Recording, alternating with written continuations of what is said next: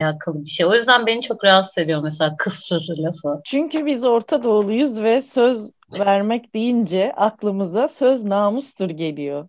Evet doğru. Yani Beşik kertmemiz var Hazal. Daha doğmadan çocuğu birine veriyoruz. Ne yapıyorsunuz ya? ha kız vermiş ha erkek vermiş nihayetinde o işte söz namustura bağlanıyor ve kaybettiğin zaman yani sözü tutmadığın zaman namusu kaybetmiş oluyorsun Evet. gibi bir Orta Doğulu düşünme zincirine sahibiz. O yüzden ha erkek sözü olmuş ha kız sözü olmuş ya da pembe olmuş.